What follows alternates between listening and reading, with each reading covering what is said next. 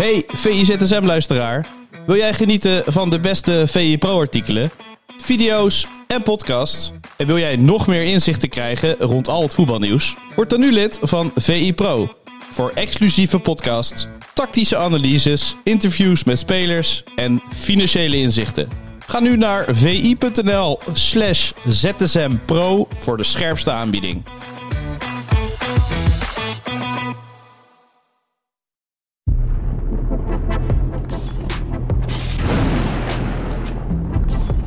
Goedemorgen en welkom bij VIZSM van woensdag 31 januari van het jaar 2024. Een dag voor Deadline Day nemen we natuurlijk ook nog deze podcast op.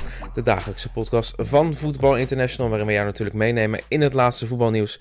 Mijn naam is Matthijs Vechter en vandaag heb ik het genoegen met Bas van der Hoven. Goedemorgen. Goedemorgen. Hoe zit het met de, de transferkoorts bij jou? Uh, ja, die begint wel toe te nemen. Ik heb uh, sowieso wel het idee dat uh, alle koorts in Nederland begint toe te nemen in, in deze weken.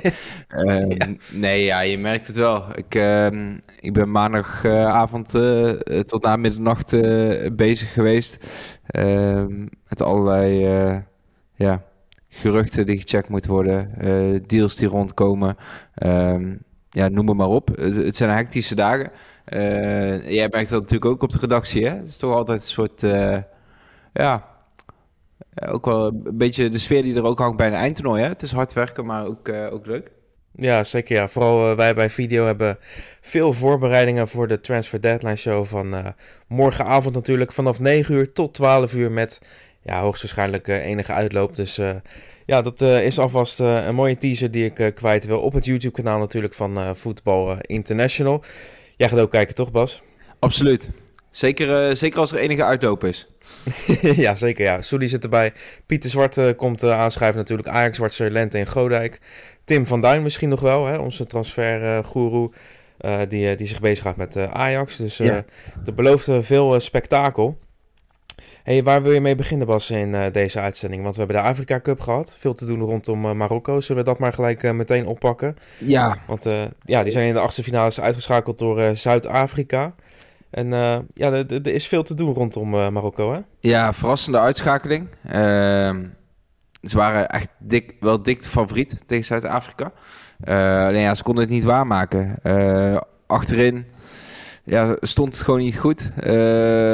met Masraoui, eh, die de fouten ging bij, uh, bij de 0-1 van uh, Zuid-Afrika. Zoveel was duidelijk. En Marokko had juist defensief ook overtuigd, ook in de groepsfase. maar één goal tegengekregen. Nou ja, we hebben ze eind 2022 natuurlijk op het WK gezien, hè, waar ze uit mijn hoofd de 0 hielden tegen België, Spanje en Portugal. Um, ja, en daarna hebben ze eigenlijk achter de feiten aangelopen. In het, in het aanvalspel misten ze natuurlijk Sierk, die met een enkel blessure... Ehm, toekeek vanaf de tribune. Mm um, ja, ik vond creatief hield het ook niet over. Uh, het viel me wel echt tegen hoe, uh, wat ze konden creëren uit uh, open spel. Ja, dan hebben we uitspraken gehad van de bondscoach van Marokko. Walid Regragri, die zegt ja, dat, hij, dat hij misschien wel gaat opstappen. Want hij had gezegd, ja, als wij niet de halve finale halen, dan, dan stap ik op. Ja, je, je ziet er nu veel natuurlijk. Hè? bij de Afrika Cup uh, toplanden die dan uitgeschakeld worden, waar het direct onrustig is rond de coach. Um, ja, ik kan me wel voorstellen dat er, dat er wat gaat veranderen bij de Marokkaanse ploeg. Uh, wat ik zeg, Zuid-Afrika klinkt natuurlijk als een groot voetballand. Alleen als, mhm. als, je naar die selectie kijkt, was Marokko het wel echt aan zijn stand verplicht om, uh, ja, om dit eigenlijk vrij ruim te winnen. Uh, ik vond de beste speler bij Zuid-Afrika, die viel trouwens wel echt op, was Teboho Mokuna. Middenvelder van Mamelodi. Mm Een van de beste spelers uh, van Afrika, uh, wist de commentator ook te vertellen. Um, ja, dat is ook wel mooi aan, de, aan deze Afrika Cup. Hè? Dat, je ziet ook gewoon wel weer verrassende spelers opduiken. Ja, zeker ja. Hadden ook nog Mali tegen Burkina Faso. 2-1 is het geworden voor, voor Mali. En dan komt vrijdag de kwartfinale met Nigeria-Angola. Congo tegen Guinea. En zaterdag hebben we nog Mali, Ivoorkust en uh, Kaapverdië dus tegen Zuid-Afrika. Uh, Bas, als jij tussen deze landen een winnaar zou moeten uitkiezen, wat denk je dan? Uh, Zo moeilijk hè, eigenlijk? Ja, ik heb wel een goed gevoel bij Ivoorkust, moet ik zeggen. Ja, ja. sterk middenveld. Daar, uh, daar zit wel dynamiek in. Hey, dan maken we de overstap naar uh, Engels voetbal. Ik weet niet of dat een grote of een kleine stap is, uh, trouwens. Wat vind jij? Uh, nou ja, Nottingham Forest miste gisteren ongeveer een half elftal ja. door, door de Azië Cup en de, de Afrika Cup. Ehm, die wedstrijd heb ik zitten kijken. Tegen Arsenal? Ja, voor het Arsenal goed spelen. met name het eerste half uur naar rust. Mm -hmm. liep ook uit naar 0-2 voorsprong. Ik, wat ik ook een mooi moment vond, was na afloop. Ehm, ze winnen met 2-1, lastige uitwedstrijd tegen Nottingham Forest. Staan we tweede in de Premier League nu. En dan Sinchenko en White, die het gewoon echt met elkaar aan de stok krijgen. Um, assistenten van Arteta, die ze een beetje eh, uit elkaar houden. Arteta die Sinchenko uh, toespreekt. En die na afloop ook tegen de Engelse pers zegt van ja, om eerlijk te zijn, vond het een waanzinnig moment. Ik, uh, hij zei, I love it. ja. gewoon omdat omdat ze meer eisen van elkaar. Ze winnen, maar het kon ook beter. En mhm. White vond, tenminste ik denk dat het daarover ging. Uh, White vond dat Sinchenko er slecht uitzag bij het uh, tegendoelpunt, hè, waardoor het nog spannend werd. Had hij een punt, want Sinchenko ging het kopduel gewoon letterlijk uit de weg. Uh, die koos ervoor om bij een hoge bal ja, een soort ruimte af te dekken waar, ja, wat eigenlijk totaal niet nodig was. Terwijl hij het, uh, de, zijn tegenstander moeilijk had gemaakt, dan was de bal veel minder makkelijk in het 16 meter gebied uh, gekomen. Ja. Uh, dus ja, vind, vind, ik wel een mooi moment. En sowieso bij, bij Arsenal, die, die selectie, het zit wel echt goed in elkaar. Smit-Rowe, die gisteren een keer een kans kreeg. Ehm, eigenlijk ook om Havertz weer een, ja, een beetje rust te gunnen, misschien ook te prikkelen. Um, ja, die bezetting is wel echt goed. Uh, duidelijke rolverdeling. je, je weet bijvoorbeeld hè, voor die uh, nummer 8 positie daar links heb je Rowe en Havertz. Uh, in de spitspositie vechten Neketja en Jesus natuurlijk uit. Ja. Ik, ja, ik, ik moet zeggen, ik kijk graag naar Arsenal. Ja, Arsenal stijgt natuurlijk weer naar plek 2. Al moeten we erbij zeggen dat de uh, koploper Liverpool natuurlijk een wedstrijd uh, minder heeft gespeeld. En de nummer 3 City heeft zelfs twee wedstrijden minder gespeeld. Dus uh, ja, ja, of daar blijft... Ja, zeker ja. Liverpool-Chelsea, kwart over negen. Heerlijk potje. Tenminste, ja. vroeger was het een topper, maar ja. dit seizoen natuurlijk niet echt meer. Nee, maar toch, Chelsea uh, laatste, laatste week wel aan het opkrabbelen. Ik, ik verwacht er wel een mooie wedstrijd. Plus je, je merkt nu ook wel rond, rond Liverpool, hè, door het door het aangekondigde vertrek uh, van Klop. Ja, dat, dat, geeft toch ook wel weer iets extra's hè, in die titeljacht. Ja, absoluut. Ja, zeker. En, en eh, we hebben het, trouwens gelijk het bruggetje naar het meest gelezen bericht op VPRO. En dat is eigenlijk uh, het meest bekeken bericht. Ja. Want het gaat om de video. Ja, wie moet de opvolger worden van, uh, van Jurgen Klop? Suleiman Usturk en Pieter Zwart zijn de studio ingedoken met uh, Kaloem van Uithoosden. En ja, hebben mogelijke opvolgers voor Klop besproken. Als ik jou vraag naar een, eh, een, een, opvolger voor Klopp, welke naam komt dan als eerste bij jou naar boven? Ik, ik, denk dat ik al weet welke het is, maar ik ben wel benieuwd. Xabi Alonso. Ja, dat dacht ik al inderdaad, ja. ja. Dat, dat is 1 plus 1 is 2, hè? Ja, um, eigenlijk twee redenen. Hij is natuurlijk de, de, de aanstormende trainer op dit moment. Als je ziet hoe hij Leverkusen laat spelen. Um, ja, Bayern echt tot het uiterste drijft daar in de, in de Bundesliga. Uh, met een jonge selectie. Maar ook gewoon een speelstijl met... Ja, het is dynamisch. Uh, er gebeurt wat. Veel energie. Energie is natuurlijk ook wat je bij Liverpool graag wilt zien. Waar die selectie ook wel op samen is gesteld. Hè, wat natuurlijk ook past bij het voetbal van Klopp. Xabi Alonso is absoluut geen kopie van hem. Uh, maar ik denk wel dat het. Uh, ik denk ook niet dat je op zoek moet naar een kopie van Klopp. Ik denk dat je een trainer moet hebben die kan zorgen voor een soort uh, soepele overgang richting zijn eigen speelstijl. en de identiteit misschien toch weer net wat kan veranderen. Um, ja, en hij heeft natuurlijk ook gewoon een rijk verleden als speler op Anfield. Hè? Hij, hij wordt alom ja. geroemd, ook door, door oude ploeggenoten. Kerger had het daar deze week nog over. ja, een speler ook die een bepaalde hij, hij, straalt klasse uit, hè? Eh, dat, dat, hij in het veld al en dat heeft hij langs de lijn. Uh, heel rustig, bedachtzaam. Um, ja, en weer een, een Baskische toptrainer. Dat, uh, dat is echt ongekend, hè? Suleiman heeft daar vlak voor de jaarwisseling nog een verhaal over gemaakt. Dat is echt een kweekvijver voor toptrainers daar. Ja, het is ook erg bijzonder wat hij presteert bij Bayer Leverkusen. Ik was met collega's Jarno Verwij en, en Suleiman, die je net noemt Uh, was ik bij Bayer, Bayer Leverkusen tegen Eintracht Frankfurt in uh, december. Ja. Met, uh, met VI Travel trouwens. Hè. Ik wil niet te veel reclame maken. Maar goed, daar kun je mooie voetbalreizen vinden. Absoluut. En het was echt gewoon 90 minuten lang was het volop genieten. Natuurlijk individueel van de spelers. Hè. Florian Wiers bijvoorbeeld, Victor Boniface.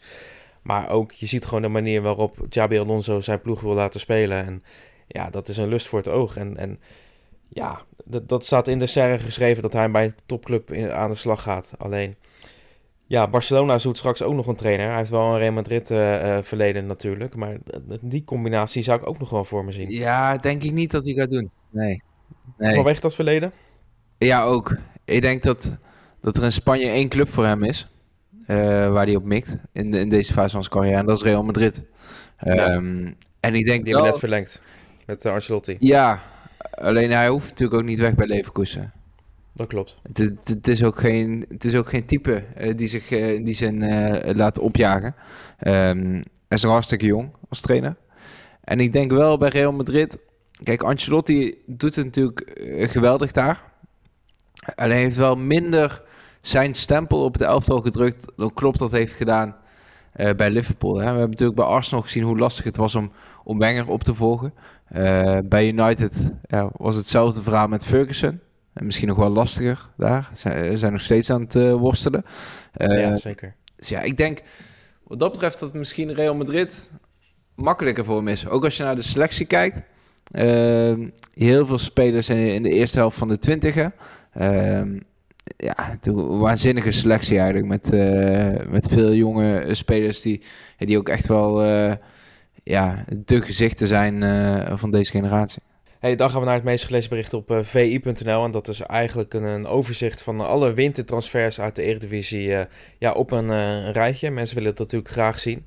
Verwacht jij nog iets geks in de Eredivisie de, de, de, komende twee dagen? poeh, ja, lastig ik, ik moet zeggen dat ik het over het algemeen een vrij rustige transferperiode vind. Ja. Je ziet het ook in Engeland, waar weinig geld uh, wordt uitgegeven. Um, maar ik verwacht niet...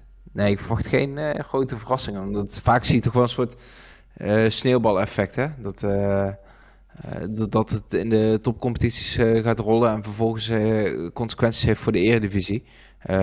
dat verwacht ik vandaag, of dat verwacht ik nu minder toch weet je het maar nooit hè, op zo'n laatste dag. Hè? Stel, een bepaalde club zoekt ineens nog een spits. En de Jiménez zou misschien interessant kunnen zijn dan.